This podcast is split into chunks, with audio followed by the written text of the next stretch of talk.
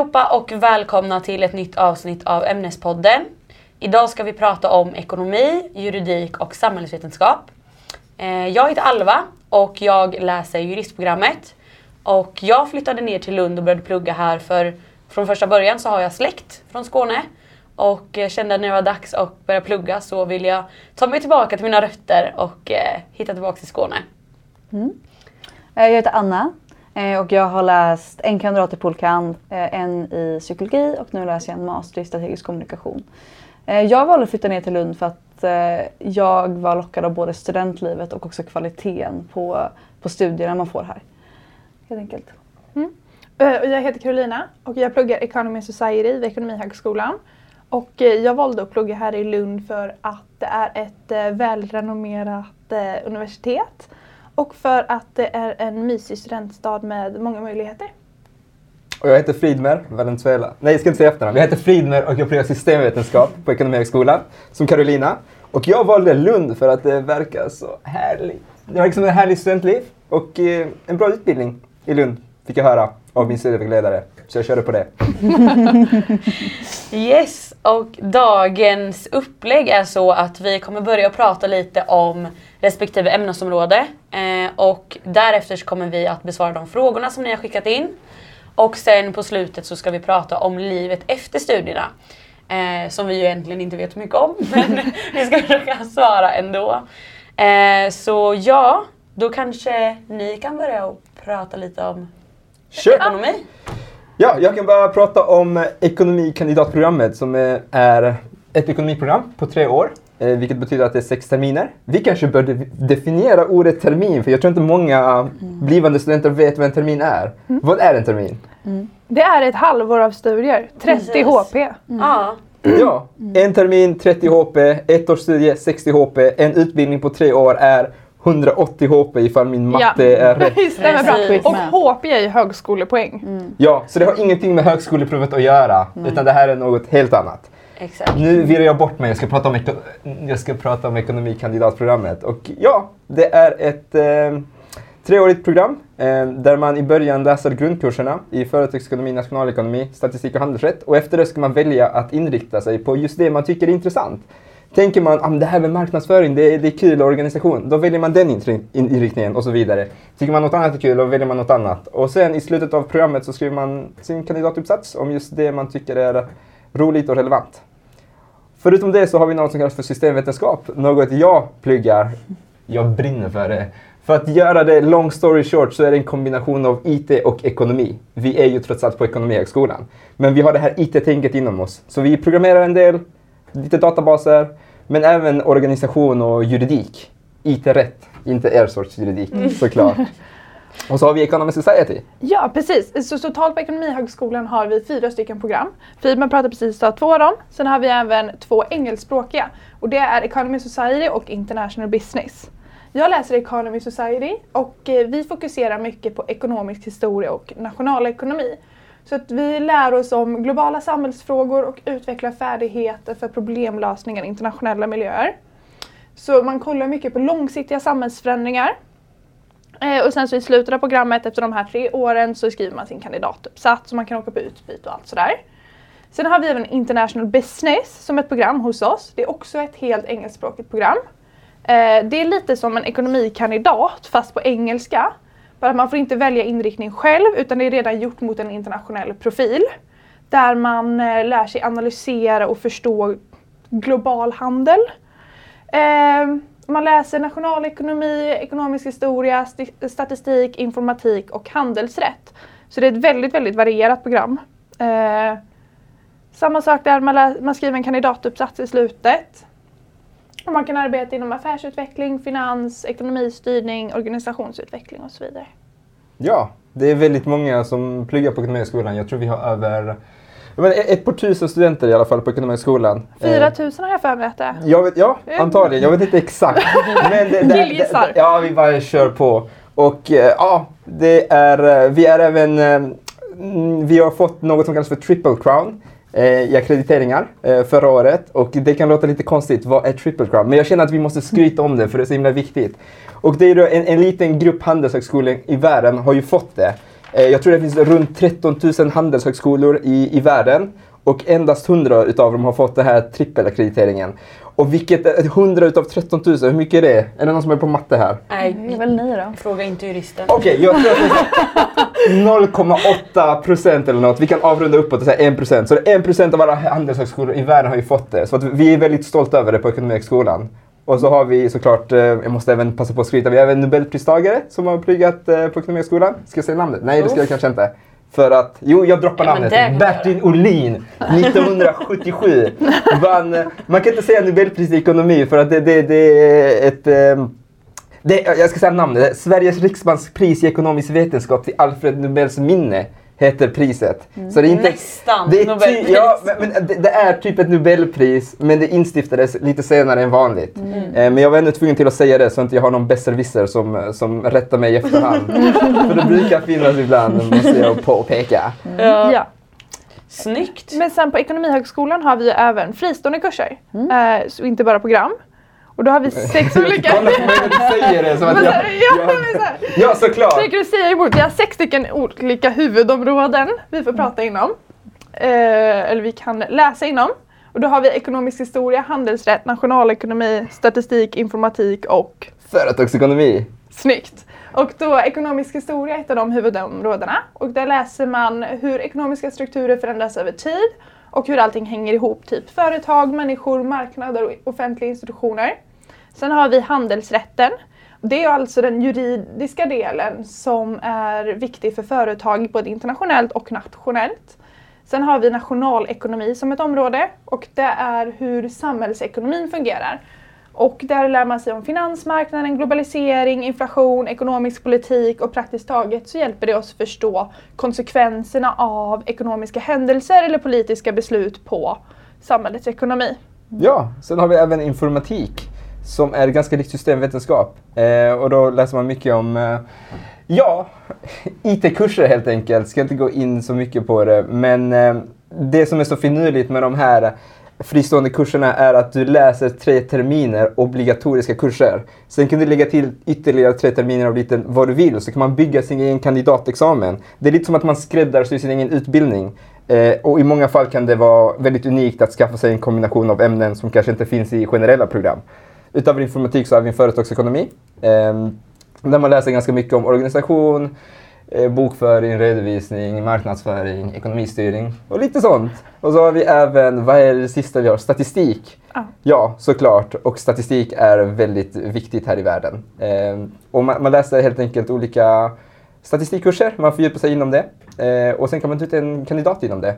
Eh, och så kan man ge sig ut i arbetsmarknaden och kötta. Eller läsa masters. Det kan man göra på alla program som vi har pratat om. Exakt. Eh, vill man det så kan man läsa ett tvåårigt master. Vissa är faktiskt ettåriga masterprogram eh, på Ekonomihögskolan. Men de flesta brukar vara runt eh, två år. Precis. Och en master är ju alltså det man läser efter sin kandidat. Så man måste typ plocka ut, ta ut en kandidat innan man kan läsa en master. Ja, det är inte så att du läser master först och sen en kandidat. Utan det måste alltid vara kandidaten först. Sen kör man på master. Och alla masters kan man inte läsa med alla kandidater. Utan det är ofta specifika eh, kandidater man behöver ha tagit för att kunna läsa vissa typer av masters.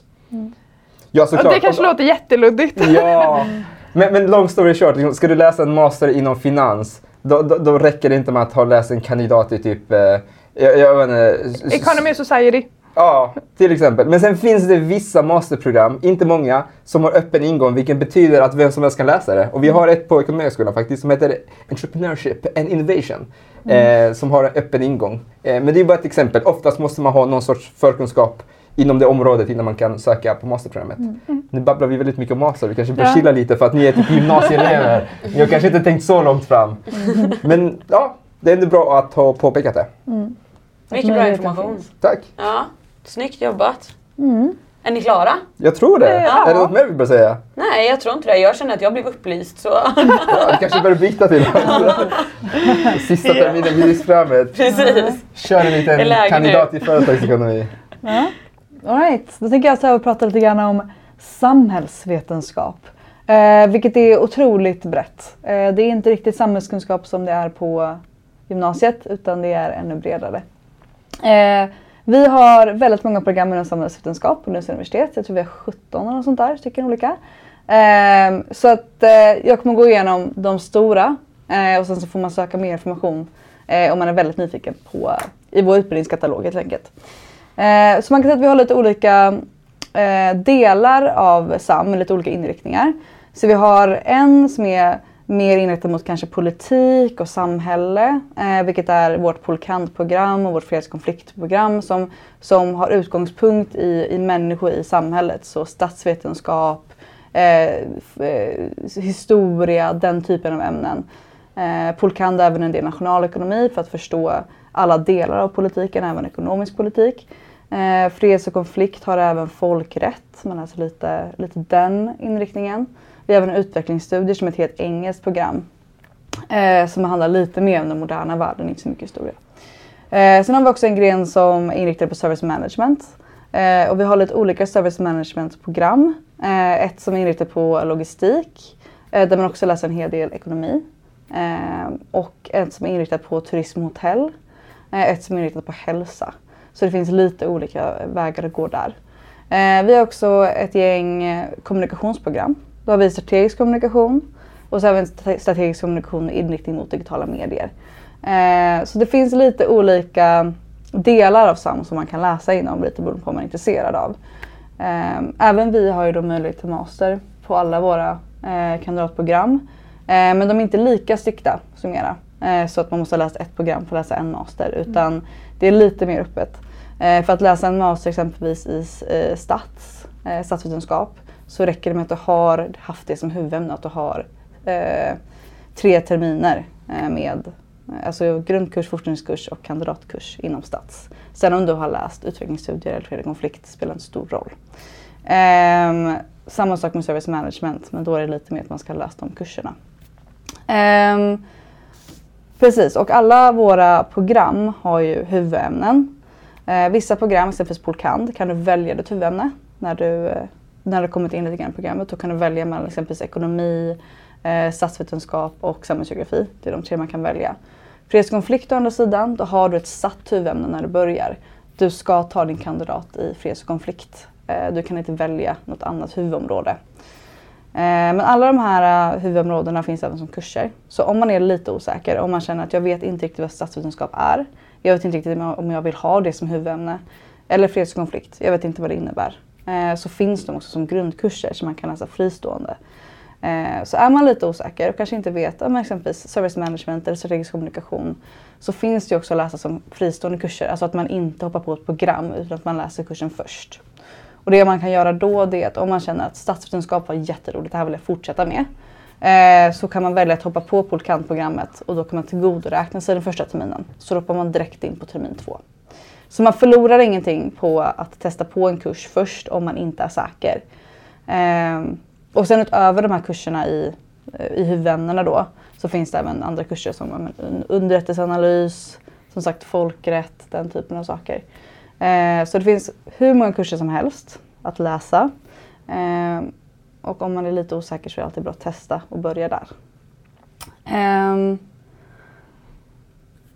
Ja, som sagt, vi har även masterprogram. Eh, man kan väl säga att skillnaden mellan att läsa eh, master och att läsa kandidat är att mastern är kortare.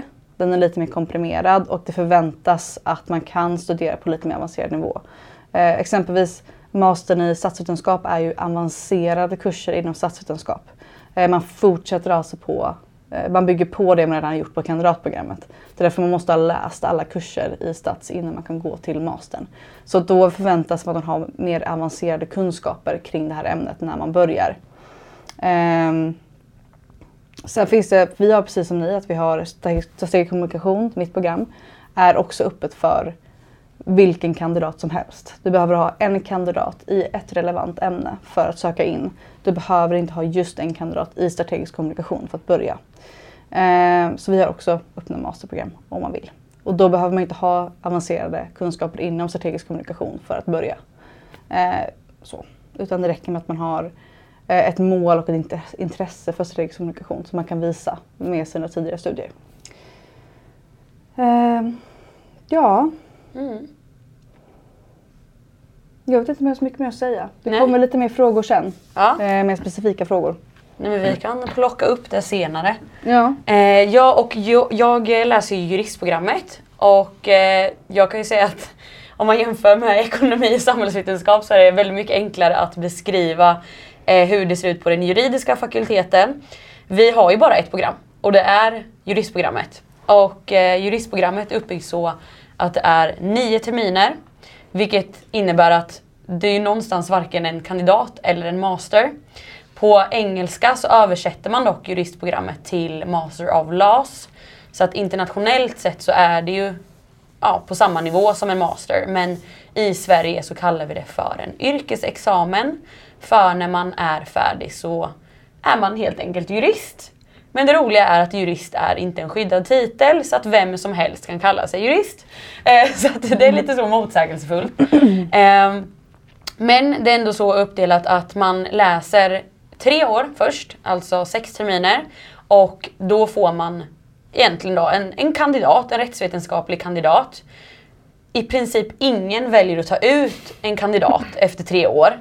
För man måste ha hela juristprogrammet, alla de här nio terminerna för att kunna få som sagt en juristexamen. Och således då kunna också kanske bli advokat eller domare, åklagare. De här typiska klassiska juristyrkena. Då måste man ha genomfört ett juristprogram. Men Alva, hur blir man advokat då? Advokat blir man ifall att man har suttit ting eller om man har jobbat tre år på en advoka- advokat eller juristbyrå. Så att man måste ha antingen ja, någon typ av praktisk erfarenhet antingen genom att suttit ting eller ha liksom, jobbat som jurist. Så det är inte så att du tar ut ett juristexamen och så bam, kan du bara liksom gå till Nej. domstolen och leka advokat? Nej men precis, advokat det är liksom ändå det är advokatsamfundet som bestämmer vilka som är advokater. Så då får man ju dels läsa advokatkurser och sen får man liksom söka in till samfundet efteråt. Och det här är ju någonting som sker efter studierna. Så det är ju ingen som kan läsa ett program på universitetet och bli advokat så. Utan det, där har vi en skyddad titel. Advokat får man inte bara säga att man är hur som helst. Ehm, nej men så ser det helt enkelt ut. Och vi har också faktiskt dock masterprogram på eh, juridiska fakulteten. Och då kan man ju tänka så här, men om man redan får en master direkt i princip, varför ska man då läsa liksom en extra master? Och helt enkelt så är det mest för att man kanske har intresse för det ämnet. Eller för att man vill jobba inom något väldigt specifikt som gör att man vill liksom bygga på sin erfarenhet. Våra masterprogram går på engelska så det är då Human Rights Law, European Business Law och International Taxation tror jag den heter. Så det är ju internationella program. Eh, till exempel vårt Human Rights masterprogram är känt i hela världen. Så att det är studenter från, ja men verkligen hela världen som söker sig till Lund för att läsa det här programmet. Och eh, där har man en liten fördel om man pluggar juristprogrammet i Lund för att man får som en liten särskild kvot möjlighet att kunna komma in eh, lite lättare om man har pluggat juristprogrammet i Lund. Men då får man helt enkelt en dubbel master. Så att har man läst juristprogrammet och sen ett masterprogram så får man två stycken masterexamens. Så att eh, det kan man göra om man vill. Men det är inget måste överhuvudtaget utan det är mer om man har ett särskilt intresse eller så. Vi har ju också eh, fristående kurser, liksom ni också har, men återigen, det, det är inte alls på samma sätt som på, inom de andra ämnesområdena. Eh, vi har till exempel, man kan läsa arbetsrätt, man kan läsa affärsjuridik, man kan läsa något som heter juridisk introduktionskurs eller utvidgad juridisk introduktionskurs. Är det den som är y-giken? Precis! Utvidgad juridisk introduktionskurs är den som heter UJIKen. Eh, jag tror att vi ska prata lite mer om det senare. Ja precis, så vi, vi kommer in på UJIKen sen lite mer. Men det är ju säkert som många känner till en möjlighet att komma in på juristprogrammet också via den här fristående kursen. Eh, så att, som sagt det finns lite annat att läsa förutom programmet men det är vanligast för att man kanske redan har en examen i något annat och känner att man vill, ja men jag kanske vill känna till lite mer om arbetsrätt så jag väljer att läsa den här arbetsrättskursen för att bli lite drillad inom det eh, av olika anledningar. Kan man tillgodoräkna sig de kurserna om man börjar juristprogrammet? Oj, det har jag faktiskt ingen aning om. eh, man skulle säkert kunna göra det på en eh, eh, vet du, på våra, när man kommer upp efter de här sex första terminerna så läser man på avancerad nivå det sista ett och ett halvt året. Och eh, då har man två terminer, termin eh, sju och åtta som är där man har möjlighet att eh, ja, men, välja lite fritt vad man vill göra. Till exempel man kan ha praktik, man kan ha utbyte och sådär. Där skulle man eventuellt kunna tillgodoräkna sig. Men det är också så att man kan inte tillgodoräkna sig någonting man redan har läst på programmet. Så till exempel arbetsrätt läser vi redan eh, under termin 3. Så att det skulle bli lite konstigt om man då kunde rä- tillgodoräkna sig ännu mer arbetsrätt. Eh, så jag ska låta det vara osagt för det beror nog lite på hur, eh, hur mycket det skiljer sig också. Helt enkelt.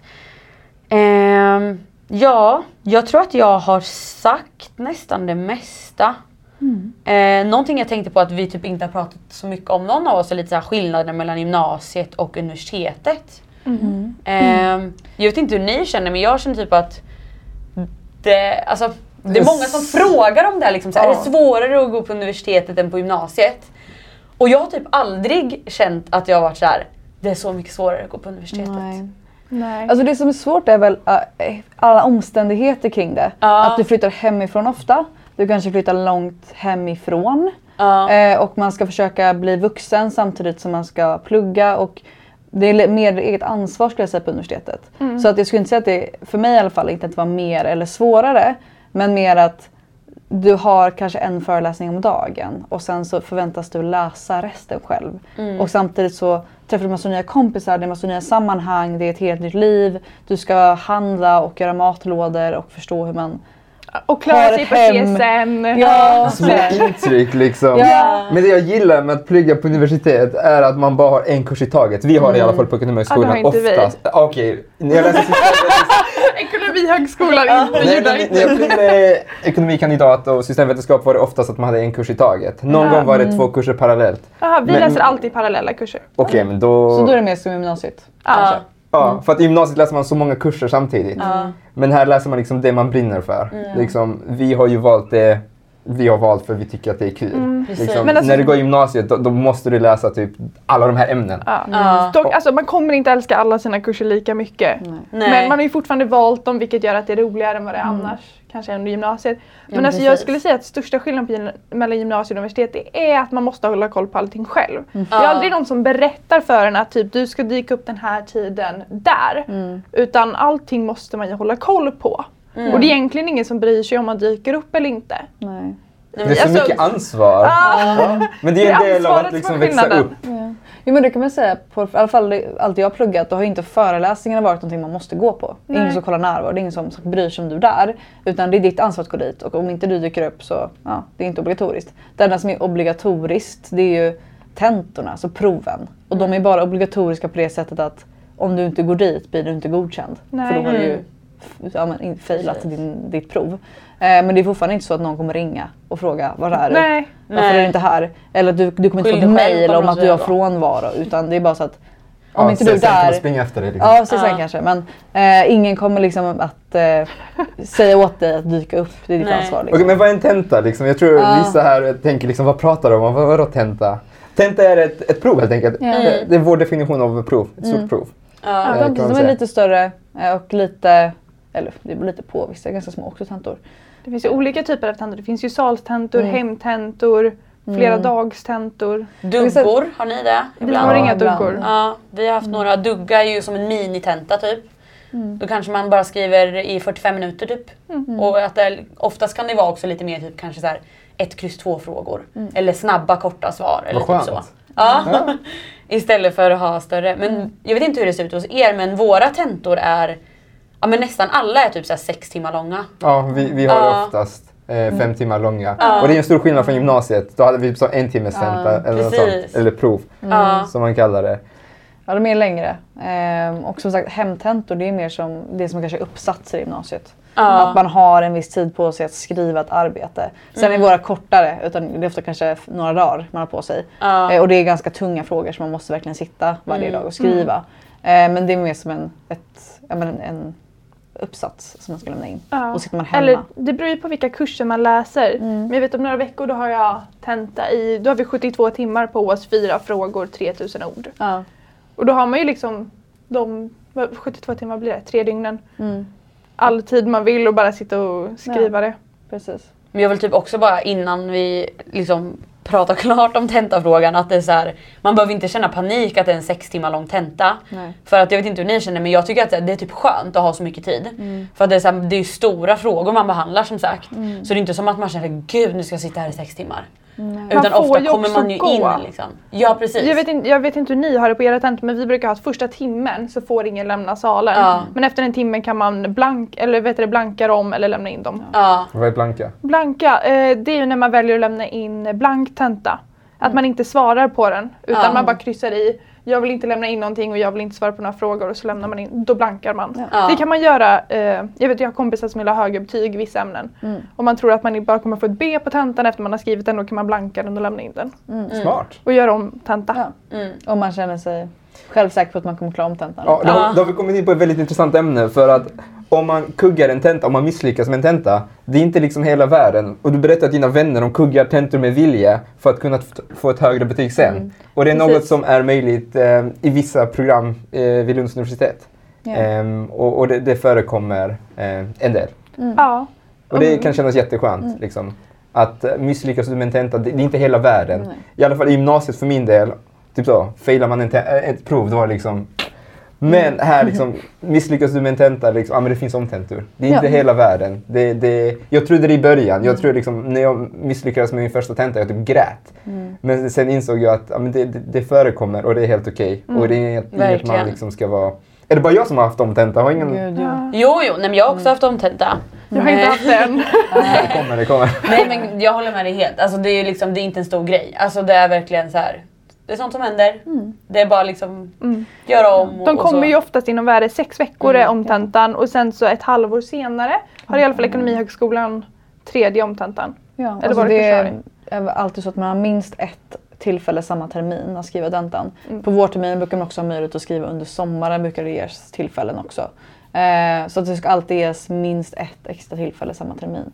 Så att det är verkligen inte hela världen. Sen kan jag nämna att det är inte alla fakulteter, alla ämnen och program som, tillåt, som gör att man får högre betyg om man skriver om tenta. Så det kan vara bra att veta när man börjar att inte alla program kan man skriva ett högre betyg andra gånger utan vissa har att man bara kan få ett C andra gånger man skriver. Vissa Eh. program har inte ens betyg. Jag vet att läkarprogrammet har typ så godkänt eller icke godkänt. Ja, de, de har det bra. De har det gött. eh, så det kan vara värt att veta bara att inte alla har Nej, möjligheten. vi Men man pratar men man har alltid- Då ja. brukar det vara så. Ja, men man har alltid möjligheten att skriva igen och det är det viktigaste. Alltså, det, kommer aldrig, det kommer aldrig vara kört för att du kuggar. Det är inte så att skolan kastar ut dig på något sätt. Nej. För jag vet att det förekommer i har- vissa länder till exempel. Men har ni såna här vet du, stoppkurser som man måste kunna passera för att läsa? Spärrkurser. Spärrkurser. Spärrterminer. Ja. Jag tror, ja vi vi har det i har alla inte fall. det. Ja, Tror men det jag. borde, ni har, har ni inte det? fortsättningskurser måste ju vara det. Intressant. Ja men tänk så, om man ska läsa typ så statsvetenskap B, då bör man ändå ha klarat Det statsvetenskap måste- A, precis. antar jag. Och för att kunna läsa kandidaten måste du ha klarat A och B-kursen. Typ så, ska man skriva masteruppsats i juridik så antar jag att man ska ha typ klarat grundkurserna. Nej jag tror bara vi hade det på våra electives, finns- att man måste klara Ja. mikro, makro och international economics för att kunna gå in på och läsa typ fortsättningen inom dem. Ja. Man kan Alltså, inte läsa makro 2 om man inte läst makro 1. Det finns säkert någon typ av spärrsystem inom typ alla program. Ja. Men jag tänker bara vi kanske ska gå in lite på frågorna som eh, alla följare har ställt till oss. Ehm, så att eh, jag tänker den första här som vi fick. Hur det är att läsa Politicis kandidatprogrammet, så jag rätt? Jag har aldrig lärt mig att uttala det. Nej, det är inte konstigt namn. Ja, poolkan, det är Ja. folkmun. Bara Eh. lite så. Ja, hur det är. Alltså, det är svårt att här säga. Jag tyckte att det var väldigt kul och väldigt givande. Eh, Det som är kul med Polkand i Lund, jag, jag kan inte uttala mig om några andra städer, men i Lund eh, så är Polkand lite, lite mer öppet än många andra kanalprogram. Eh, I och med att du väljer, som sagt, du väljer vilket huvudämne du vill ha. Eh, och då får man välja mellan då statsvetenskap, vilket är liksom grunden i Polkand, eller nationalekonomi eller samhällsgeografi. Eh, så att man läser, första terminen läser man stats A, alltså första kursen i stat, statsvetenskap. Andra terminen läser man nationalekonomi A, alltså första kursen där. Och sen får man börja välja, vad tycker jag är kul? Typ, vill jag testa på samhällsgeografi? Då kör jag en kurs i det. Eh, eller vill jag läsa, för då har, termin tre har man tre val man kan göra. Man kan läsa samhällsgeografi, man kan läsa statistik eller juridik. Mm. Um, och sen efter det börjar man fördjupa sig. Så då om man vill fördjupa sig i samhällsgeografi gör man det. Och då skriver man sen också en kandidat i samhällsgeografi. Vill man eh, fördjupa sig i nationalekonomi gör man det. Läser fortsättningskursen eh, och sen så gör man kandidaten i det. Eh, vi har även vi har ju två valbara terminer då. Så att den här första är ju halvvalbar, semivalbar, för då väljer man mellan tre alternativ. Eh, samhällsgeografi, juridik och statistik. Eh, och så har vi även termin, vad blir det, fem, är helt valbar. Och det är då man kan göra exempelvis utbyte, man kan göra praktik. Eller bara jag läste en kurs i psykologi då. Alltså det är helt, vill du läsa biologi, kör hårt. Man får läsa precis vad man vill. Eh, så att jag tyckte om det för att man kan vinkla lite grann mot det man är intresserad av. Man kan få lite spets eh, inom precis det man är intresserad av att göra. Det är inte, alla kurser är inte satta från början eh, som många program är. Utan det är, du har ganska mycket valbarhet, ganska mycket, så många chanser att få en spets redan på kandidatnivå. Eh, vilket jag tyckte om. Mm.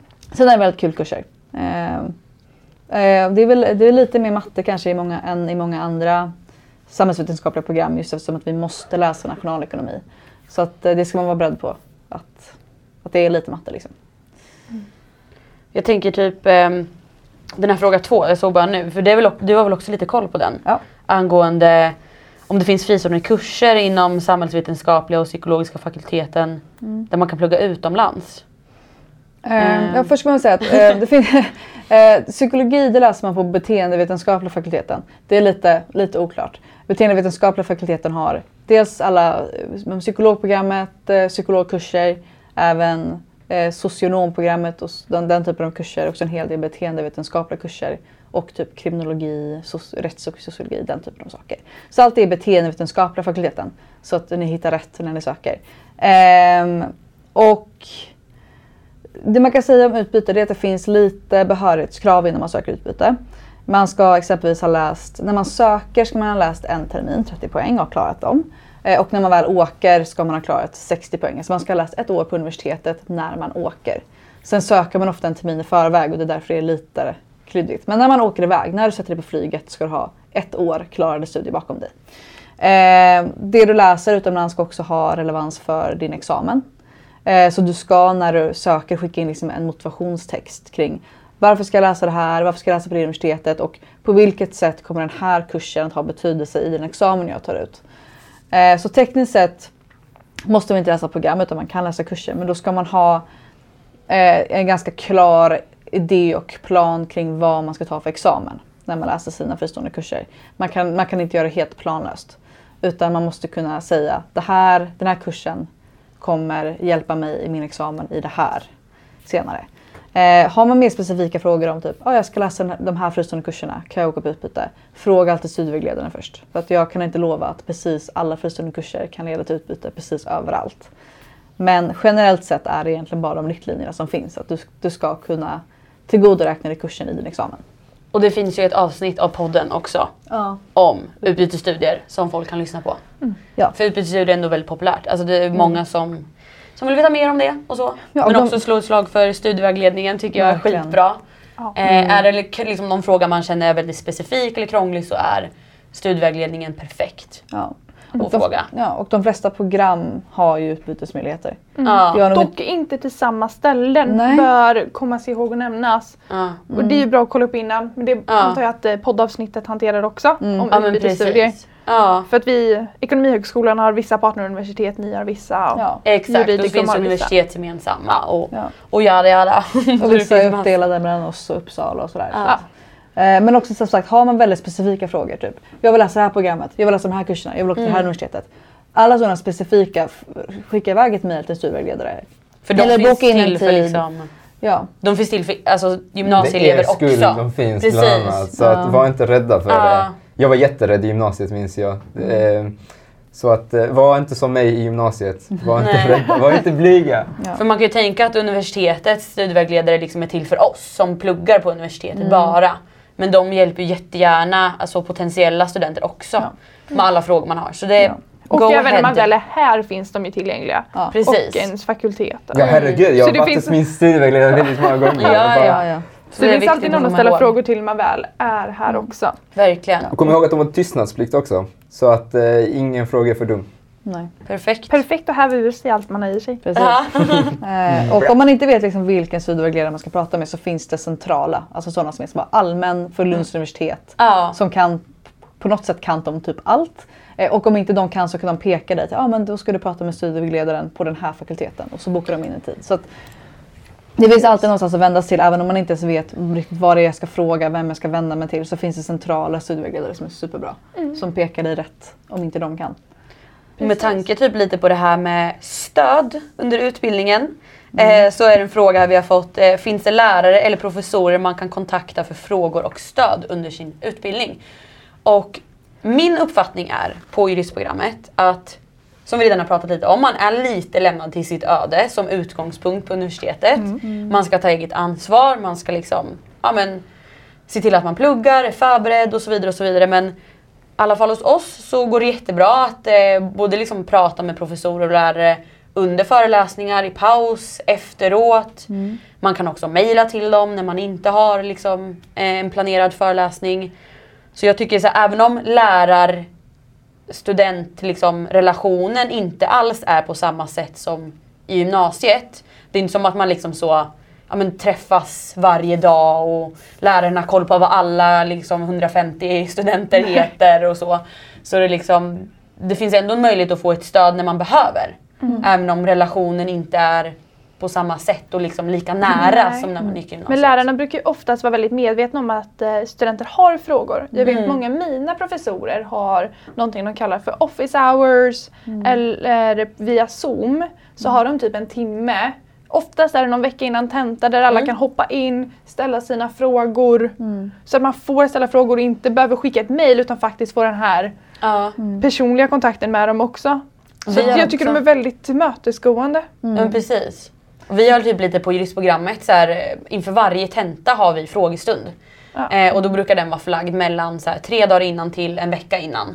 Så när man liksom har suttit och tentapluggat och har massa tankar i huvudet så kan man då gå till en fysisk frågestund. Då sitter liksom alla som en vanlig föreläsning och så får man bara ställa frågor helt enkelt. Så att eh, det finns jättemycket möjlighet till Ja. hjälp.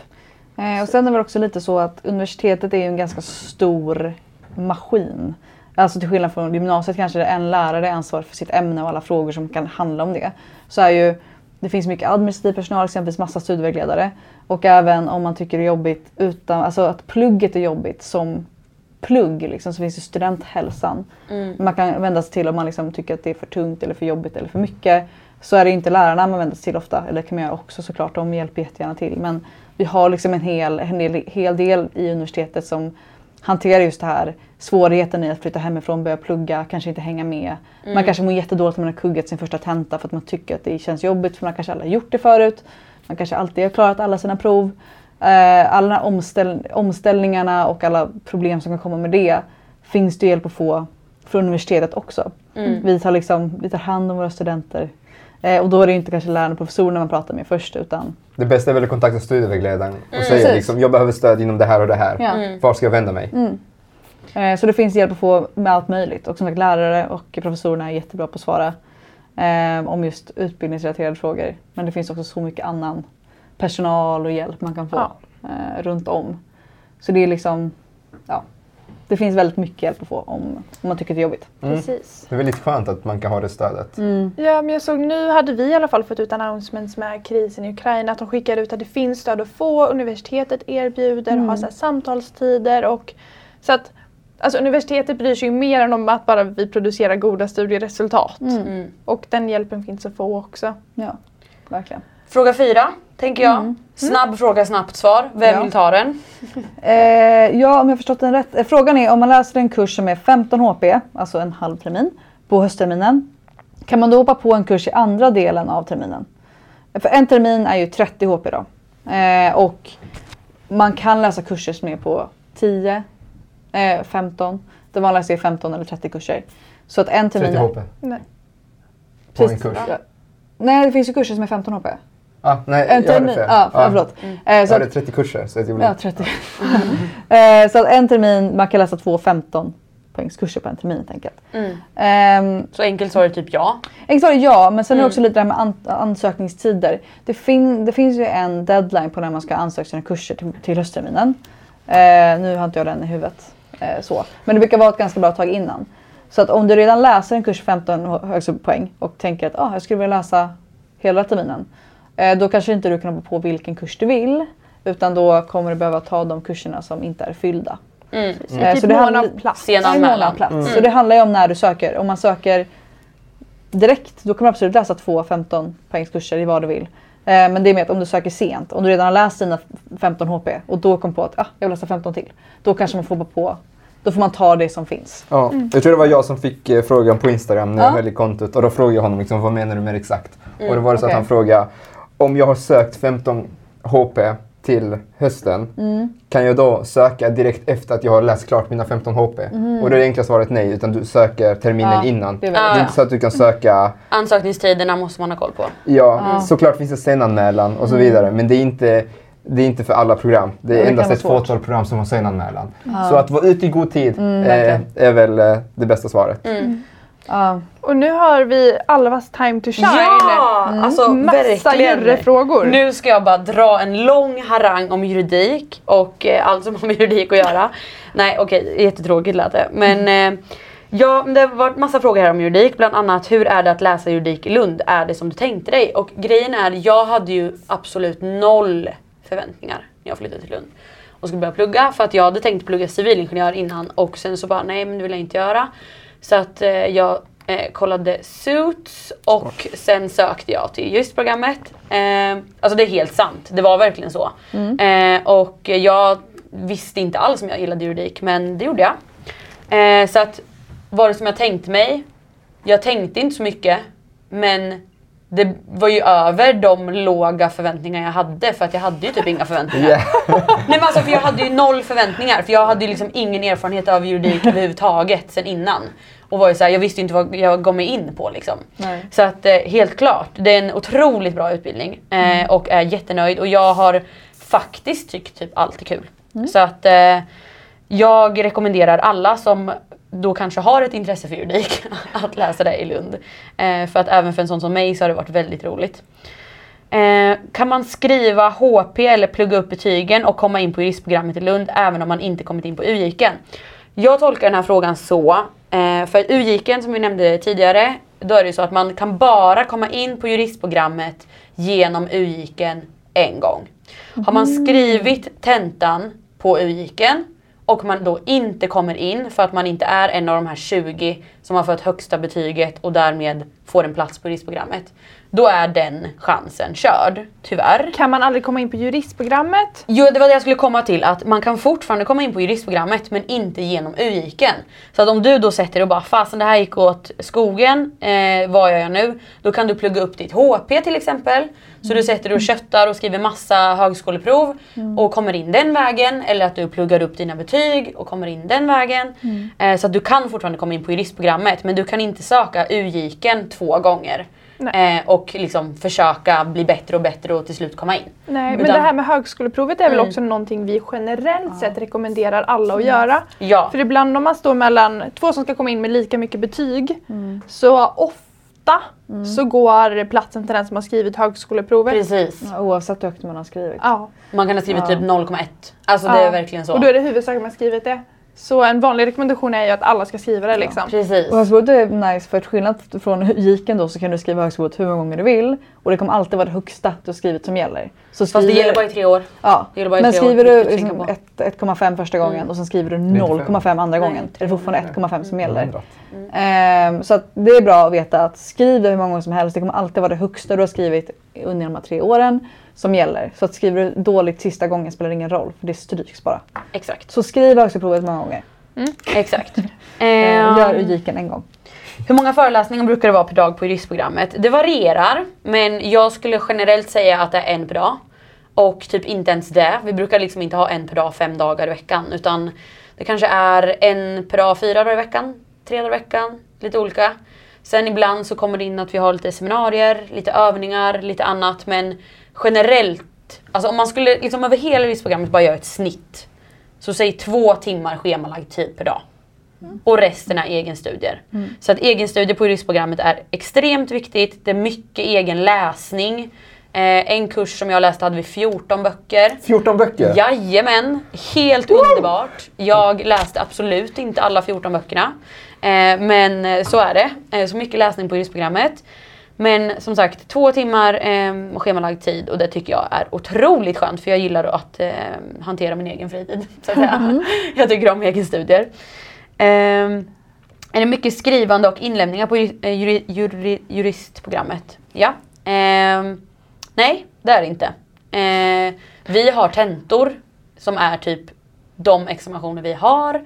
Sen ibland kan det också vara så här, om man, termin 6 till exempel när man ska få sin kandidat, då är det ju en uppsats. Eh, vi har uppsats på termin 1 också till exempel. Men annars så är det liksom, vi har liksom en examination per kurs, eller man ska säga. Och hur långa kurser hade ni? Det varierar jättemycket. Eh, men eh, vi har till exempel på termin 1 så är det ju hela terminen en kurs. Men då har vi delat upp kursen i två examinationer så det är typ två kurser. Fast det räknas inte som två kurser. Eh, termin 2 till exempel, då är det också hela terminen, en kurs. Då samlar man på sig lite poäng. På så, ah, du går på ett seminarium så får du två HP till exempel. Du gör ett litet eh, projekt i, i en grupp typ och då får du två HP. Men sen så är den stora eh, sluttentan. Kollar man på termin 6, då har vi till exempel folkrätt, vi har rättshistoria och vi har kandidatskrivande. Då har vi tre kurser på en termin. Så att eh, det varierar jättemycket. Men som sagt, inlämningsuppgifter har vi typ aldrig. Det är inte så att du kom, kommer till en föreläsning och de bara ja till nästa föreläsning ska ni lämna in det här och det här. Utan eh, det är liksom examinationerna, de slutgiltiga som egentligen är det stora vi gör. Ehm, Man kan ju säga det att alltså alla program har, eller kurser har ju samma sak att du får ut hela ditt schema för terminen. Alltså första dagen eller innan till och med. Mm. Så att det kommer inte komma några surprises utan allting finns redan. Ja. Väldigt, all- allt som är examinerande, allt som är prov och är betygsgrundande är bestämt långt sedan innan. Så det kommer Ja. inte komma något så här Surprise, det är ett prov nästa vecka. Nej. Utan det är, allting vet man från början och schemat Man är vet när kursen börjar. Ja. Så fort kurserna börjar vet man sitt schema Mm. för hur lång tid kursen är. Liksom. Ja. Mm. Det är no surprises. Det är ganska skönt, du kan planera sitt liv lite. Ja. Ja. Ja, till breaken, vi har ju så här 7,5 så vi läser fyra kurser per Mm. halv. Så man, och så får man ibland schemat eh, samma vecka som nya kurserna börjar för sista delen av Ja. vårterminen. Innan det Ja. har man ingen aning om vad man gör i vår. Ja. Härligt. ja. Nej men eh, så ja, det, som ni hör, alltså det varierar ju väldigt mycket mellan, alltså så här, mellan programmen, hur man lägger upp det. På juristprogrammet har vi väl generellt lite större kurser eh, som är ja, men 15 HP eller 30 HP. Men att det kan vara lite individuella examinationer inom dem. Men för jag, en annan fråga var hur många tentor man har på juristprogrammet och då kom vi in lite på att det, är så här, det varierar från kurs till kurs. Men generellt så är det liksom en examination per kurs. Um, vilken är den roligaste terminen på juristprogrammet? Alltså det här är ju högst individuellt. Mm. Så nu är det ju bara min egen preferens här. Eh, och jag inser att jag inte har någon preferens överhuvudtaget. Men alltså jag tycker typ att allt är kul. Alltså jag tycker verkligen att juridik är jättekul. Alltså så generellt. Och det är ju det är väl jättelyx liksom. Det är, som du nämnde innan att det är så här. Det är inte säkert att man tycker att alla kurser man läser på ett program är kul. Men jag har typ tyckt det. Och det är så här, skatterätten tyckte jag var skitkul för det var så här, det naturvetare inside of me blev liksom jätteglad av att få liksom, ha lite matte typ.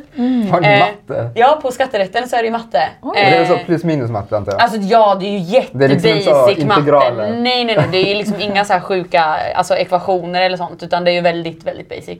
Men ändå, den lilla matten jag fick gjorde mig väldigt glad. Och eh, ja, men, straffrätten är ju sjukt spännande. Alltså så här, alla får tycka vad de vill men det är väldigt spännande med straffrätt.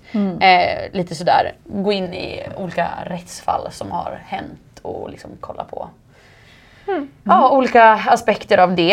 Eh, men så jag tycker typ allt är kul men eh, det var ju jättedåligt svar men det är mitt svar. Eh, jag hoppas att man tycker att någonting är kul i alla fall.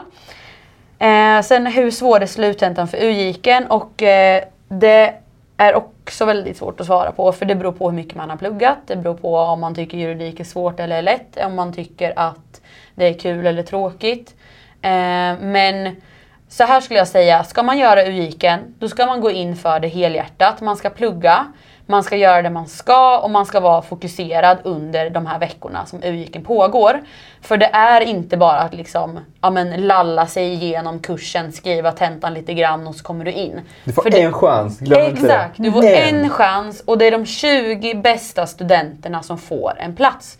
Och till det hela hör att UJIKen får vem som helst söka in till. Det finns ingen liksom gräns, där vi tar bara in 100 personer. Utan det kan vara 3000 personer som läser UJIKen vid ett tillfälle. Och då är det 20 personer av de här 3000 som får plats på juristprogrammet. Och då liksom så här, ha det i åtanke att så här, ska du göra det här, då ska du göra det helhjärtat från första början. Men hur svårt är det? Liksom, det är Du, har, sjukt ju- du har inte skrivit tentan för YGIKen, så det är ganska Nej svårt. jag vet inte. Det Jag, jag kom in på. HP-poäng. Ja. precis. Så jag har ju ingen aning om hur svårt det är Nej. liksom, när man väl går den. Men det är ju såklart att det, det är ändå en universitetsjuridik och det är ju antagligen någonting man inte har gjort innan. Så att man... Ja, Men allting är relativt fokus. för alla också. Precis.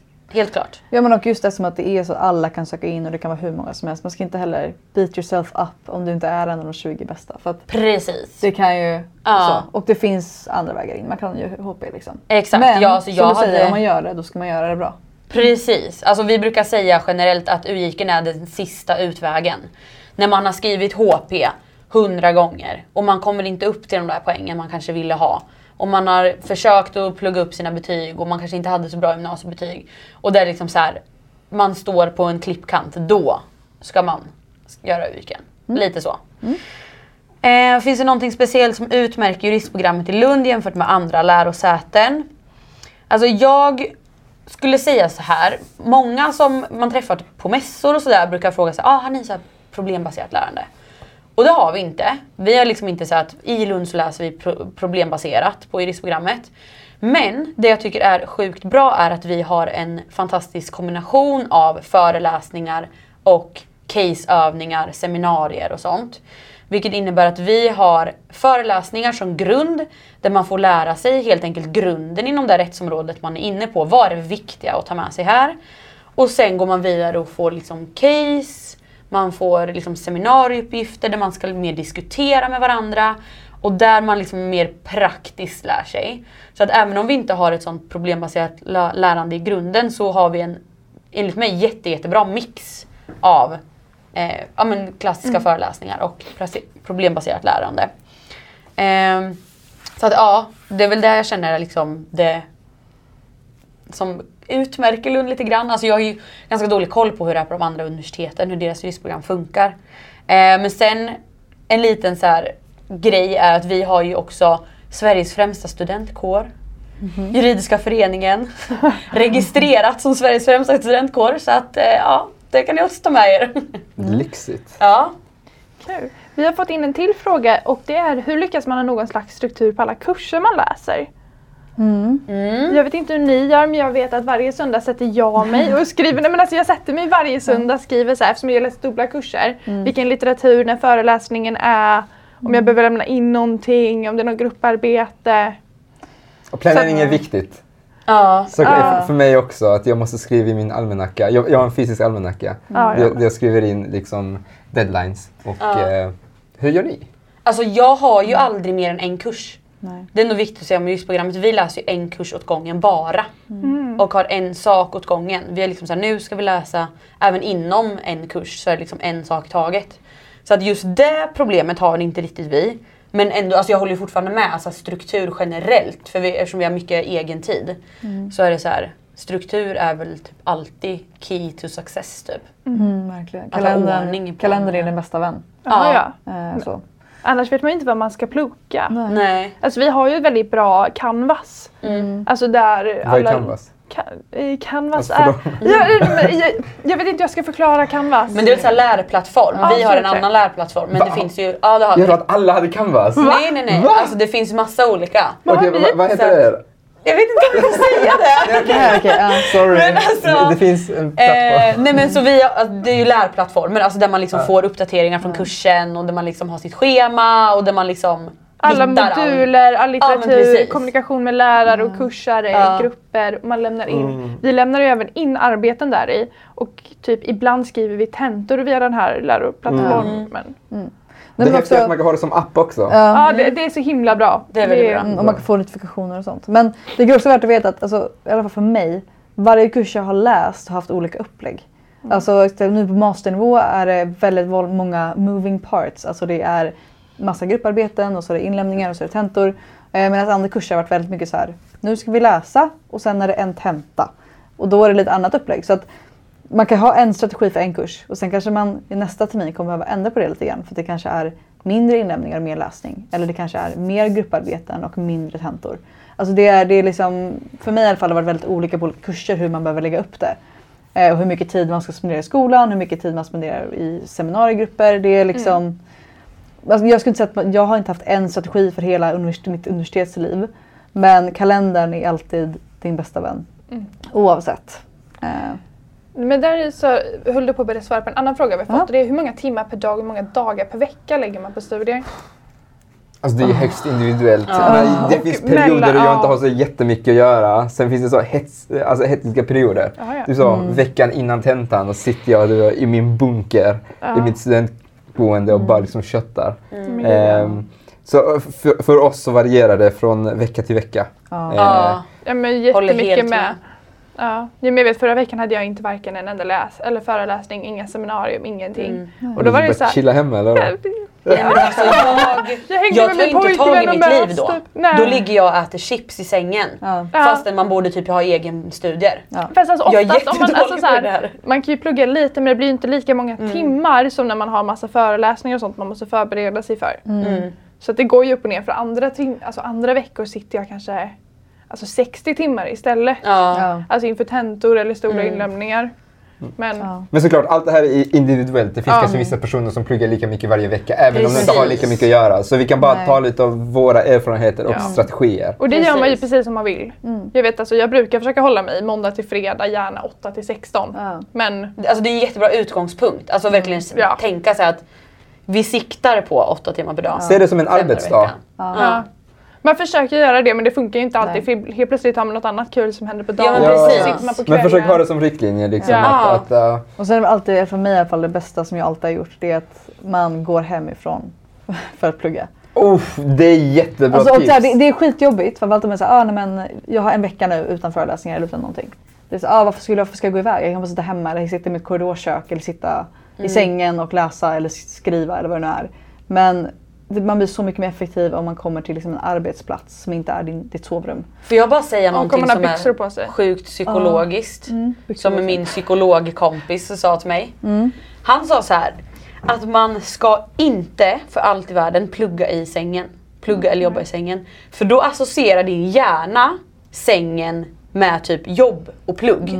Så att när du ska sova då kan inte din liksom hjärna typ slappna av. Nej. För att den associerar det inte med liksom avslappning och sömn utan med typ jobb. Mm. Och jag följer ju absolut inte det här rådet överhuvudtaget men bara en, liksom en tanke typ. Nej men det är sant, det har jag också hört. Mm. Ja. Jag, jag tycker man kan märka när man sitter och pluggar sent i sängen och så bara lägger ner datorn och så lägger sig. De är fortfarande kvar Ja, ja, ja. Liksom. precis. i, i det. 100% dagen innan tenta. Antagligen det sämsta man kan göra men Mitt bästa tips dock, plugga aldrig dagen innan tenta.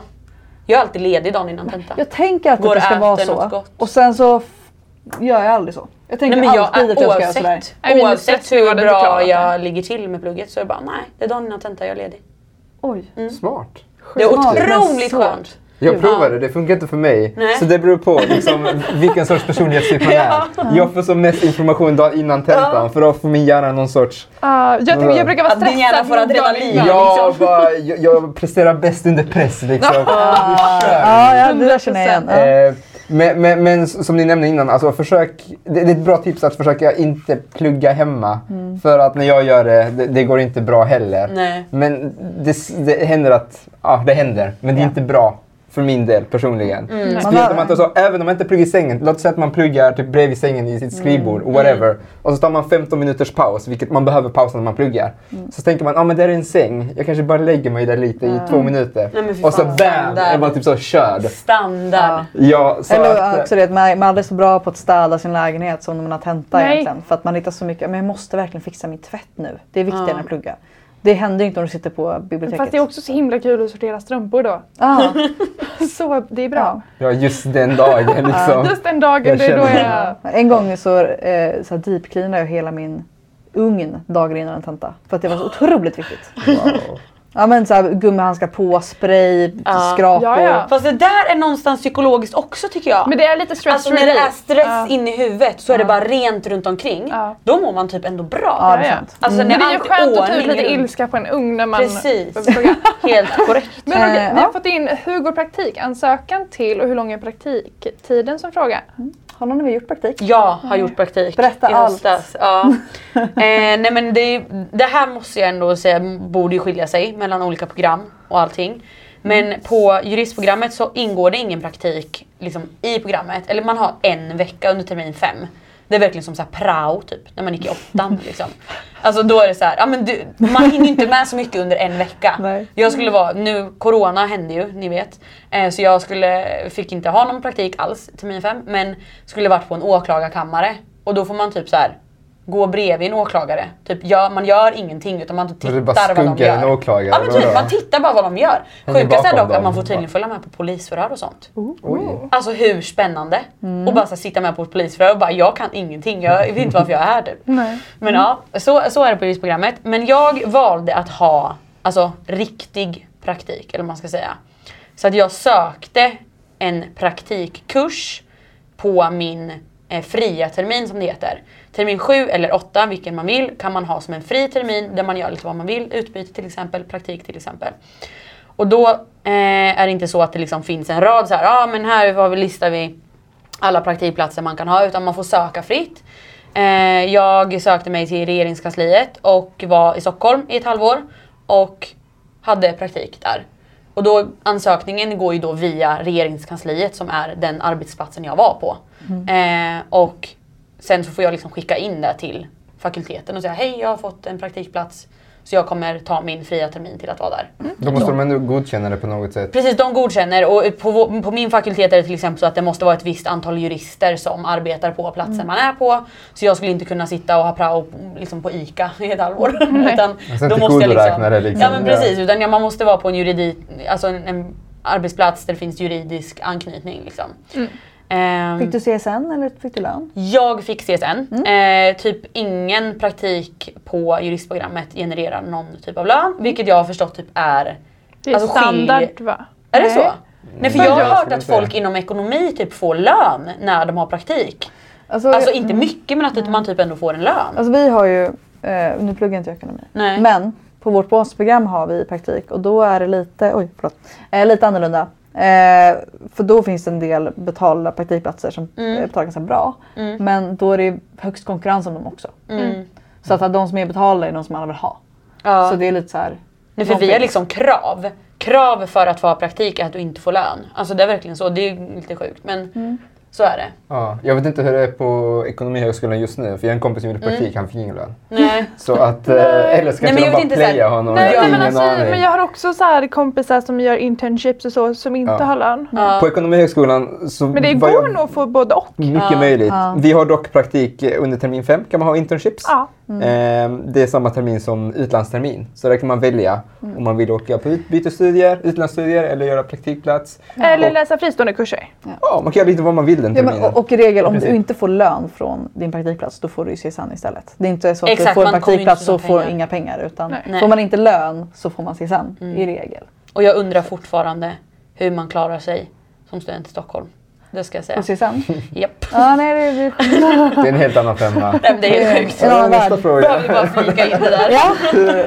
Lund är studentvänlig stad. Ja, men, mycket men bra. det jag kan säga i alla fall det är att eh, för alla program jag har läst har ingått praktik. Jag har aldrig valt att göra det. Men nu kommer jag inte ha något val för när jag är master då måste man.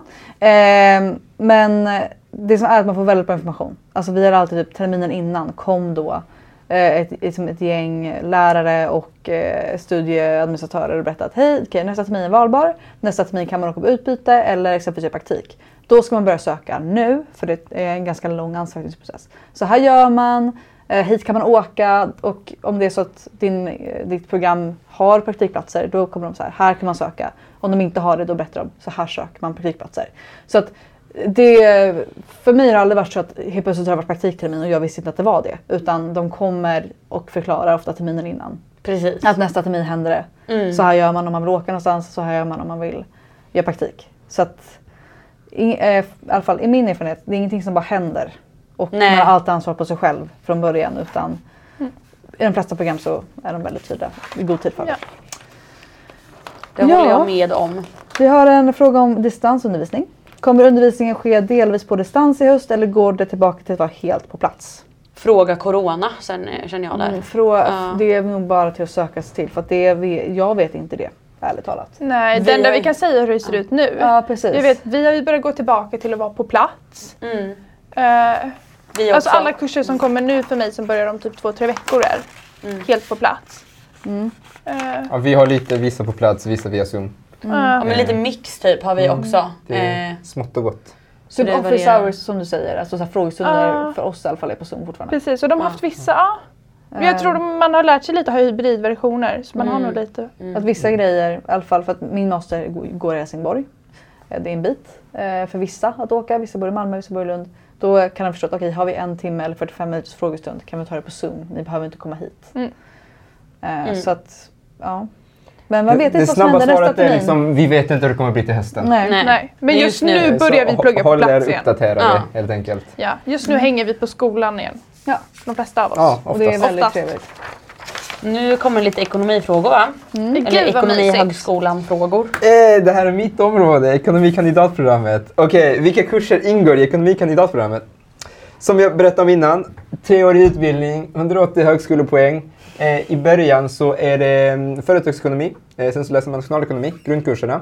Eh, tredje terminen är statistik och JÖKen som det kallas, eh, juridisk översiktskurs. Eh, och sen efter det, på termin fyra, då kan man välja att inrikta sig på det man tycker är kul. Liksom, känner man alltså makroekonomi, det är som ljuv musik i mina öron, då kan man liksom inrikta sig åt nationalekonomihållet. Eller känner man att det här är marknadsföring, det är ändå min grej, då kan man köra åt det hållet. Så man väljer sin inriktning andra året och sen så skriver man kandidatuppsatsen om eh, just det man tycker är intressant inom sin inriktning eh, sista terminen. Jag vet inte om det var svaret på frågan. Frågan Jo. var vad är skillnaden mellan ekonomi och international business? Det har vi också som fråga. Alltså så enkelt och snabbt är ju att de är hyfsat lika. International business är helt på engelska. Ja, Men väljer, alltså man väljer ingen inriktning på international Nej, business. Det gör exakt. man på ekonomikandidat. Så på ekonomikandidaten får man välja lite. Men international business så har programmet redan valt åt en. Det läses på engelska och internationellt inriktat. Ja, så man har ganska många internationella Ja. studenter i den klassen. Precis, det brukar Även vara på hälften Economy and hälften. Society har ni också. Ja. Jo men precis, jag har ju typ inga svenska vänner från programmet. Oj! Det är väl, vi är typ 50-50. ja. På ekonomikandidatprogrammet är det enbart svenskar. Ehm, vi är ganska många. Alltså vi, Men det är också för att svenska är undervisningsspråk. Ja, exakt. Det är därför. Det kanske kommer någon från något annat land som bara älskar svenska och bara har lärt Mm. sig svenska och kommer hit och läser programmet. Ja, och gått i Ja. svensk gymnasieskola och Ja. kommit in via den vägen. Eller kanske inte ens Absolut. det, bara en vuxen från något annat land. Jag vet, Who inte, knows? Jag vet inte om hur det är med behörighet på ekonomikandidatprogrammet just inom den inriktningen. Men, men ja, mycket möjligt. Ja, Ja, who knows? who knows. Okej, är det Är mycket Ja, matte? i Det här vill jag verkligen ekonomi. veta. Vi läste ekonomi eh, typ en vecka. Vilken är När vi läste skatterätt, då fick vi två föreläsningar i ekonomi. Och det var det värsta jag gjort i hela mitt liv. Vad var det för sorts ekonomi där liksom? T-konton. Ah, så det är så bokföring och så. Debit och kredit. Fast det, det är inte den mysiga typen Nej av det var matte. fruktansvärt. Va? Det var fruktansvärt. Nej. Ja. Då kände jag gud vad skönt att jag inte pluggar ekonomi. Att jag valde rätt Så program för känner jag mig. ibland också när vi har kneka och kurserna. Ja. Men det är också för att Men vi har en är en kurs i typ nationalekonomi på ekonomikandidatprogram som även ni eh, kan läsa där. Och där är det lite ekonomi, eh, lite matte. men, Lite ekonomi. Lite ekonomi, ekonomi. Det, det, är, det är lite, lite matte där, Ja. eh, på mikroekonomi. Eh, och så även eh, Men på... det är ingen svår matte bör till. Alltså, det är matten som man behöver ha. individuellt. Men, men, men ja, jag skulle inte, säga- det är inte så avancerad matematik Nej. som typ civilingenjör. Nej, och lärarna hjälper ju en. Mm. Alltså Ja, de förklarar ja. ofta. Jag, Ja, ja. jag vet för min del i alla fall så förklarar läraren matten. För matten är inte min starka sida men jag Nej. klarade mig liksom igenom det ändå för att läraren förklarade Mm. hur man ska typ tänka och göra och gick igenom stegen. Ja, som svar på frågan. Ja, det förekommer lite matte på ekonomikandidatprogrammet. Oj, en, Nu är det en, du igen. är det mycket programmeringssystemvetenskap? Wow! Det här är min favoritfråga. Eh, man programmerar eh, systemvetenskap, men det är grundläggande programmering. Så det är liksom inte superavancerad programmering. Eh, vi läser eh, till exempel JavaScript och C-sharp och lite SQL-databaser. Så det, det finns programmering, Eh, men det är inte jätteavancerad programmering och det är inte jättemycket programmering. För systemvetenskap är inte enbart liksom, IT och det tekniska utan det är även en del management. Vi är trots allt på Ekonomihögskolan. Så för att göra ett svar kort så är det lite programmering. Ja. Nice. Vill man, vill, precis, vill man programmera mycket då ska man bli dataingenjör. då Ja, får man programmera civilingenjör mycket. datateknik har väl eh, lite mer programmering skulle jag säga. Förlåt. Såklart. Nu handlar det om fristående kurser här och det är ju då om det finns för och nackdelar med att läsa fristående kurser. Det har vi pratat lite om. Men också om man får ta del av studentlivet även när man läser fristående kurser och det säger vi ju nej. Du vet, nej från alla. får. Alltså så länge man liksom pluggar vid Lunds universitet så får man ta med, alltså då får man verkligen vara med på Det som kan vara lite jobbigt med att läsa fristående kurser är att man måste söka inför varje termin. Och då kan det vara så att man kanske inte hamnar i samma klass hela tiden. Nej. Utan att man, man går vid, olika klasser. Och då som kanske det kan vara lite svårt att, att skaffa vänner än, än man går samma klass tre år Ja. eller fyra år. Men det blir väl också att man måste hela tiden söka in att komma in på kurserna. Alltså för oss som läser i ett program så man behöver inte tänka så mycket på vad som kommer utan man bara man, man simmar med strömmen liksom. Ja. Och så hamnar man... Ja, alltså Rätt. söka in på ett program, då är du ju automatiskt antagen till alla kurser i programmet. Eh, Det kan kännas om- tryggare på Ja. något sätt. Liksom. Alltså kommer du in på Polkan, då har du automatiskt kommit in på nationalekonomin. Du behöver inte söka in, för den kan vara ganska svår att komma in på. Eh, så de är automatiskt inne. Eh, om du väljer fristående så måste du söka varje termin. Eh, och då bygger det på att ja, men du har behörighet exempelvis och att du eh, har betygen för att komma in på varje kurs. Men det som kan vara bra, det är att du får ju en helt unik examen ofta. Du får ju, om du vet precis, det här är det jag vill göra, det här är liksom min tanke med mitt arbetsliv. Liksom, det här är min egna, liksom, mitt egna huvudämne så att säga. Du kan ju skräddarsy det Ah. liksom. Och det är Man får ganska en häftigt. spets liksom. Ja, Ja. det är Ehm, riktigt coolt. Och man kommer in i studentlivet även om man Ja, pluggar ja. fristående. Jo för jag Ja. tänkte det här med typ så här vänner och så för det är ju så här, det, det är ju klart skönt kanske att gå ett program för det så här, då hänger man ihop med sina kompisar liksom hela vägen. Men läser man fristående kurs tänker jag så här, kanske man får skitmycket vänner. Eller hur? Man får så här, först får man lite vänner olika här på den här liksom. kursen och så får man lite vänner på den här kursen. Så man kanske har sjukt mycket vänner. Ja. Ja, alltså men så här, Men det helt finns ju ärligt. fortfarande nationer, kårer, Ja, spex. det är ju man inte som på gymnasiet att man bara hänger med folk i sin klass eh, eller i andra klasser utan du kan ju gå till olika studentverksamheter och bara Ja. hitta nya vänner genom olika aktiviteter. Jag har nästan aldrig hängt Alltså jag hänger inte så mycket med mina klasskamrater, jag hänger mer med vänner jag har hittat via nationer och Ja. typ, eh, studentföreningar. Jo, men det som är kul, eller min erfarenhet av att läsa fristående också, det är att ofta kommer man tillbaka till varandra. Alltså så här, visst, man kanske inte läser precis alla samma kurser, men är man inne, för jag läste, jag plockade upp min kandidat i psykologi själv.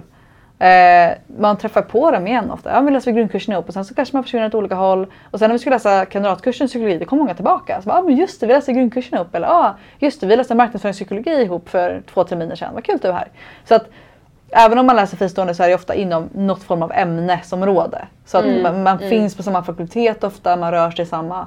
Så att man försvinner inte helt från varandra bara för att man läser fristående heller. Nej. Ehm, Och så är det många program. Vi blandas ju med olika program när man läser vissa kurser. mm. Jag vet, vi läser ihop med International Business, vi läser ihop med ekonomikandidater så man träffar ju folk från andra program. Ja, precis. Vi läser nationalekonomi mer. Ja, just så det. många som pluggar det. ni läser Eh, nationalekonomi På ihop? ekonomikandidat läser man Man är nationalekonomi. jättemånga den terminen. Och För på då är det alla, alla ekonomstudenter och alla Polkan-studenter tillsammans. Det är ganska liksom. häftigt. Det blir sån där röra, på röra. ett bra sätt liksom. Ja, massa förvirrande Ja, polkandare. liksom. Jag funderar på om vi läser mer också då. Nej. Nej. Jag, jag, Nej, för, att, för, att, för att ni har alla era kurser på engelska, eller hur? Ah, jag, Vår just jag på nationalekonomi är svenska. på För jag svenska. vet vi var så många på de kurserna. Då var det på Okej. International Business. Eh, jag, när jag läste det var det på svenska, nationalekonomi. Ah, okej, så jag antar att vi. Nej. är med dem. Och lite andra. Ja, och studenter. Randoms.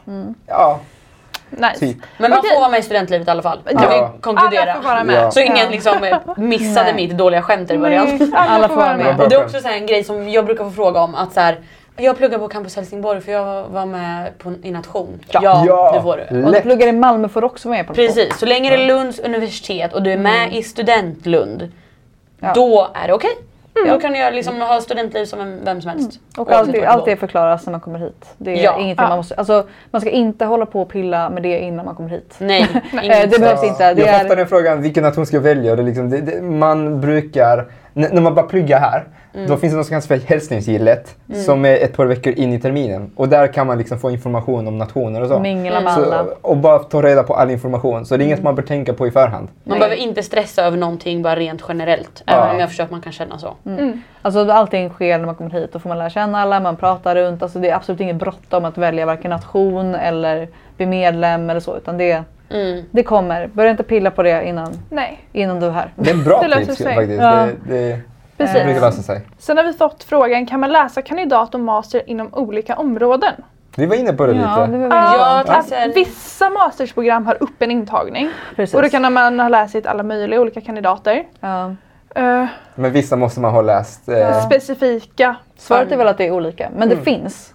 Som sagt mitt masterprogram. Jo, man måste ju inte finns. läsa både kandidat och master i Lund utan man kan ju ta kandidaten här men läsa master någon annanstans. Ja, ja. Det finns oändligt med möjligheter när det kommer till kandidat. Ja, Jag ja, jag, läser ju ett internationell master. Jag är, det är tre svenskar i min klass, resten är ju internationella studenter som har läst allt möjligt på denna planet. Liksom. Så att, eh, ja. Men jag tänker typ om man är så här, om man nu behöver man ju inte börja tänka på masterprogram liksom innan man ens har börjat på universitetet. Men om det är så att man sitter där hemma och bara gud just det här masterprogrammet vill jag verkligen verkligen läsa. Då kan en god idé att kolla upp liksom, hur ser det ut för det här masterprogrammet. Är det en sån öppen intagning liksom, eller är det inte det? Så man vet med sig innan. Men som sagt som utgångspunkt behöver man inte börja fundera på masterinriktning liksom, innan man ens har kommit Ja, in. alltså liksom. vilken bra framhållning vissa gymnasielärare Ja. har som tänker på master Så redan nu. Jag har ingen aning i Nej. gymnasiet. Ens Jätteambitiösa. jag tänkte säga, har man ens det under kandidaten? Ja. Men jag är fortfarande lite free alltså, Alltså jag bytte liksom karriäridé typ för så här ett halvår sedan. Och jag tar examen i år. Alltså det är liksom så Och det är här, helt okej, det får man lov att Ja, göra. Man kan alltså liksom jag byta har under ändrat mig studiens så gång. många gånger. Men det är också för att man känner efter när man läser olika kurser. Ja. Jag vet man känner ju vilka kurser man är så här. det här var kul men jag är inte så bra på det. Eller det här Mm. var jag alltså, bra på på riktigt. Typ. Och då Mm. känner man ju lite vad man kanske vill göra. Mm. Men nu då, livet efter studierna för oss. Precis, sista avsnittet av Ja. avsnittet. Är det lätt att få jobb efter juristprogrammet, Alva? Vad sa du? Är det lätt att få jobb efter juristprogrammet? Ja, alltså det är faktiskt otroligt lätt att få jobb efter juristprogrammet. Eh, en riktigt, riktigt bra arbetsmarknad just nu i alla fall. Eh, jag kommer ihåg min pappa berättade om eh, han, när, när de tog examen för många, många år sedan. Att då Är han också det, jurist? Nej det är han inte. Han är inte jurist. Men han har vänner som är det. Och det var katastrof arbetsmarknad. Alltså de fick här, ta det de fick typ. Och vissa fick inte ens jobb. Men så är det absolut inte nu. Utan det är en superbra arbetsmarknad. Eh, jättemånga, inklusive jag själv, har fått jobb innan man tar examen. Eh, de som inte har fått jobb innan man tar examen får det inom typ tre månader efter examen. Eh, så det är väl alltså ingen stress överhuvudtaget utan du kommer få ett jobb. Sen kanske man inte får så här, ah, drömjobbet det första man får. Det är ju liksom kanske lite mer svårt men jobb kommer du ha, ingen snack om saken, en toppenmarknad helt enkelt. Gött. Mm. Eh, Ja, men jag kan fortsätta på den. Ja. Jag pluggar systemvetenskap och eh, det är IT-relaterat. IT-branschen i framtiden, så det är också ganska nice arbetsmarknad. Men återigen, man ska inte välja ett program för att det är liksom bra jobbmöjligheter efteråt, utan man ska välja det man brinner för, för att man gillar det. Liksom. Eh, så tänk inte så mycket på lönen eller är det lätt att få jobb. Tänk mer, vad är det jag vill här i livet? Det är ganska viktigt. Nu slår jag på bordet, förlåt. Men jag blir bara så upphetsad av det här. Nej, det är fel ord. Vad heter det? U- Uppspelt. Jo, det heter så. Wow! Ja, men det är också lite så att om man, om man väljer någonting bara för liksom, ah, det här får man lätt jobb eller det här är bra lön. Du måste också ta dig igenom programmet och tycker du inte är kul så är det jättesvårt, tycker jag, att ta sig igenom en utbildning. Helt klart. Alltså märker man har läst kurser och man varit så här, det här, jag vill inte, jag kan inte, det går inte. Hur ska, hur ska man någonsin kunna ta en kandidat eller master i det här då? Och sen när man väl bara jobbar och inte gillar det, det är inte Ja. så kul heller. Liksom. Nej men alltså börjar jobb, gå. det kommer liksom vara 70% av ditt liv sen. Mm. Du Ja. kommer gå till jobbet varje dag och jobba och då kan du inte sitta där och bara men det var en bra arbetsmarknad. Nej. Inte det här. Alltså så. Ja, men jag har det helt nej, men med. så är det verkligen. Ja. Så vå- våga gå din egen väg. Eh, för att jag minns att när jag gick i gymnasiet var det liksom mycket, mycket liksom familj och sånt som sa men det, det här borde du plugga. Det alla Mm. dina syskon har pluggat det här. Men bara kör på det du Lyssna vill. typ inte på någon annan än dig Lyssna själv. på dig själv. Ja. Gör din grej. Mm. Jag menar inte att talka dåligt om min familj. Jag älskar min familj. jag menar bara att ibland kan det bli så att, att Ja, men eh, de väl. indirekt eh, liksom Ja. försöker påverka dig på något sätt. Ja men ibland vet man och det är inte. svårt. liksom. Alltså det, det, det, Ja. det är ju svårt. Men jag tänker det är väl vanligt också att man kanske har föräldrar som har jobbat inom ett visst yrke eller sådär. Alltså det, Det det är i alla fall farsan är vanligt. hantverkare och farfar är också det. Ja, men precis, att det liksom går- Vi ska gå i familjetraditionen. Ja men var inte rädd att så här, tänka utanför boxen typ. Mm. Att, så här, bara för att liksom, alla i din släkt har varit läkare så behöver inte du också vara det. Nej. Eller liksom, bara för att eh, din pappa jobbar som jurist behöver inte du också Mm. bli jurist. Nej. Liksom. Utan fundera helt ärligt på så här, vad tycker jag är roligt? Vad har jag uppskattat i skolan? Mm. Vad liksom, ja, men brinner jag för? Om man nu brinner för någonting. Det måste man inte heller göra. Nej. Eh, Nej, men, och Och vet man, vet man det. inte, om man, är, man behöver inte vara helt säker på vad man vill göra. Och vet man inte, testa med kurser. ja. Alltså det, det finns så mycket kurser man kan läsa och man har tid på sig. Så att om man är osäker, om man känner att jag, vadå, jag vet inte vad jag vill. Jag har inte driv åt något håll. Liksom så. Testa på lite. Alltså det Ja. finns hur mycket kurser som helst. Mm. Och, Och de det flesta är jättekul. Det knyter typ an lite till en annan fråga här. Det är så här möjligheter till att studera vidare. Mm. Alltså, jag tänker så här, ingen tid som du lägger på studier är förlorad tid. Nej. Alltså så om du typ läser ett program och sen typ ah, men det här kanske inte riktigt var det jag ville. Alltså läs något annat. Mm. Du hade ju flera kandidatexamen till exempel. Precis. Jag, Det är bara, alltså Ja. så här, det är ingen, ingen tid man pluggar är förlorad tid egentligen. Nej, gud nej. Du lär dig saker som du kommer ha användning av på något Mm. sätt. Det gör ju bara att man blir kanske lite mer specialiserad Ja. och har mer bred kunskap än om Ja. man bara Precis. läst ett eh, specifikt ämne. Mm. Jag, jag har många vänner som efter gymnasiet sa liksom jag ska backpacka i andra länder och hitta mig själv och sen vet jag vad jag vill plugga. Och många gånger har det inte hänt heller. Nej. Så att jag vill ändå ge ett slag för att även om man inte vet vad man vill så bara, som vi pratade om, bara läs lite strökurser och bara hitta din nisch inom det. För n- när man väl börjar plugga i Lund i alla fall, då får man också en större inblick hur andra program är. Och vilka Exakt. kurser som finns. Ja. Alltså, så mycket som inte jag hade en aning om fanns. Och bara, det Man här kan läsa om så här, vin och mat typ. Ja! Ja. Ja. Eh, Det var läsa allt möjligt. Alltså, Harry Och- Potter-kunskap ja. Mm, det hade vi innan. också. Ja. Nej. Men vi Kanske har har inte det. Man kan läsa danska också. Ja. Det kan vara bra. Häftigt språk. Det kan vara kul. Ja. Ja. Nej, men det finns så sjukt mycket. men det Alltså, finns massor Så att var inte rädd för att söka enstaka kurser. Eh, ver- verkligen. Det, som Alva sa, ingen tid är bortkastad tid när det kommer till studier. Nej, Liksom. precis. Och möjligheten att studera vidare är goda. Ja. Både masters, eller ta dubbla kandidater eller fristående Ja. kurser. Ja, och vill man forska så finns det ju... Ja. Det är det som är trevligt med att vara vid ett så pass stort universitet som Lund. Det är att det finns så mycket möjligheter till forskning och vidare liksom eh, doktorera och så vidare på samma universitet. Eh, Allting finns liksom här om man vill Mm. liksom ta sig vidare efter att man har pluggat. Ehm, Jag Det är tänker, en fråga här. 40 000 studenter är Ja. ganska mycket. Alltså, det är är typ mycket. mer, det är typ så här 43 Ja, typ. jag vill Alltså, säga är plus 40 000. jättemånga. Ja. Helt Ja. sjukt. Och hur många människor bor i Lund? Det är typ över- 90 cirka någonting. 100 000 säger Ja. Så det är då 40 procent. Mm. Eller något, Ja. över 40 procent. Det Det är helt sjukt. är ganska häftigt i en sån liten studentstad. Mm. Nej, men alltså, Det- jag såg liksom, bara, jag bara tänkte på det här nu, alltså, så här, när man tänker på hur nära studentlivet är i Lund. Just för att som du säger att Lund är så litet och att liksom, studentlivet är överallt. Jag skulle gå till ICA häromdagen och så går jag utanför dörren och så bara kommer en tiger och går på gatan. Alltså en riktig tiger. Och jag bara förlåt. Alltså, En människa. En människa med en Ja. tigerdräkt. För då var det någon student som liksom Ja. så klätt ut sig till tiger och bara woo! Liksom, kul grej. Och det är såna här, såna här konstiga saker. Ja, det är som sån härlig Man upplever liksom. typ bara det i Lund. Men om man tänker, alltså grejen är man blinkar typ inte två gånger. Man är såhär, Ja. ja. Nej så men för jag var typ, ah, det, ah, han skulle till någon sittning typ. Alltså Ja. det är liksom så. Mm. Eller så här, folk, när folk börjar dyka upp med balklänningar liksom nu på vårkanten. Ja, ja, Så här. ja. Det är också så Och här, frack. ah, nice. Ja, Åker men- Voi på en liksom Ja. På, Så- ja, med balklänning. Alltså det är så här, ingen grej. Eller att det är så himla alltså att det finns studentmat, typ all falafel och sånt. Att det kostar 25 spänn för och falafelrulle. rationerna kostar upp 30 Det- spänn för ja. lunch. Ja. Det är ju studentpriser. Ja. Underbart. Och då märks det att vi är många studenter för det finns inte bara på nation utan det är även restauranger som har alltså seriösa restauranger och kebabvagnar. Ja. Seriösa restauranger och kebabvagnar. Seriösa kebabvagnar. Absolut. jag menar inte studentanordnat. Är inga Stockholmspriser. Vi har verkligen en fråga kvar Ja. Det känns som att vi försöker undvika den men jag tror inte vi försöker göra det. Okej, Eh, Eh, bryr sig det som anställer ekonomer Bryr sig det som anställer ekonomer om butik eller bara erfarenhet och driv? Och eh, där är det ju svaret lite så här, det beror på. Eh, till stor del så handlar det väl Om i, drivet jag ja, säga. och erfarenheten i Sverige. Medan internationellt kan det vara lite mer eh, på betyg. Men, du, alltså, Men som sagt, det beror på.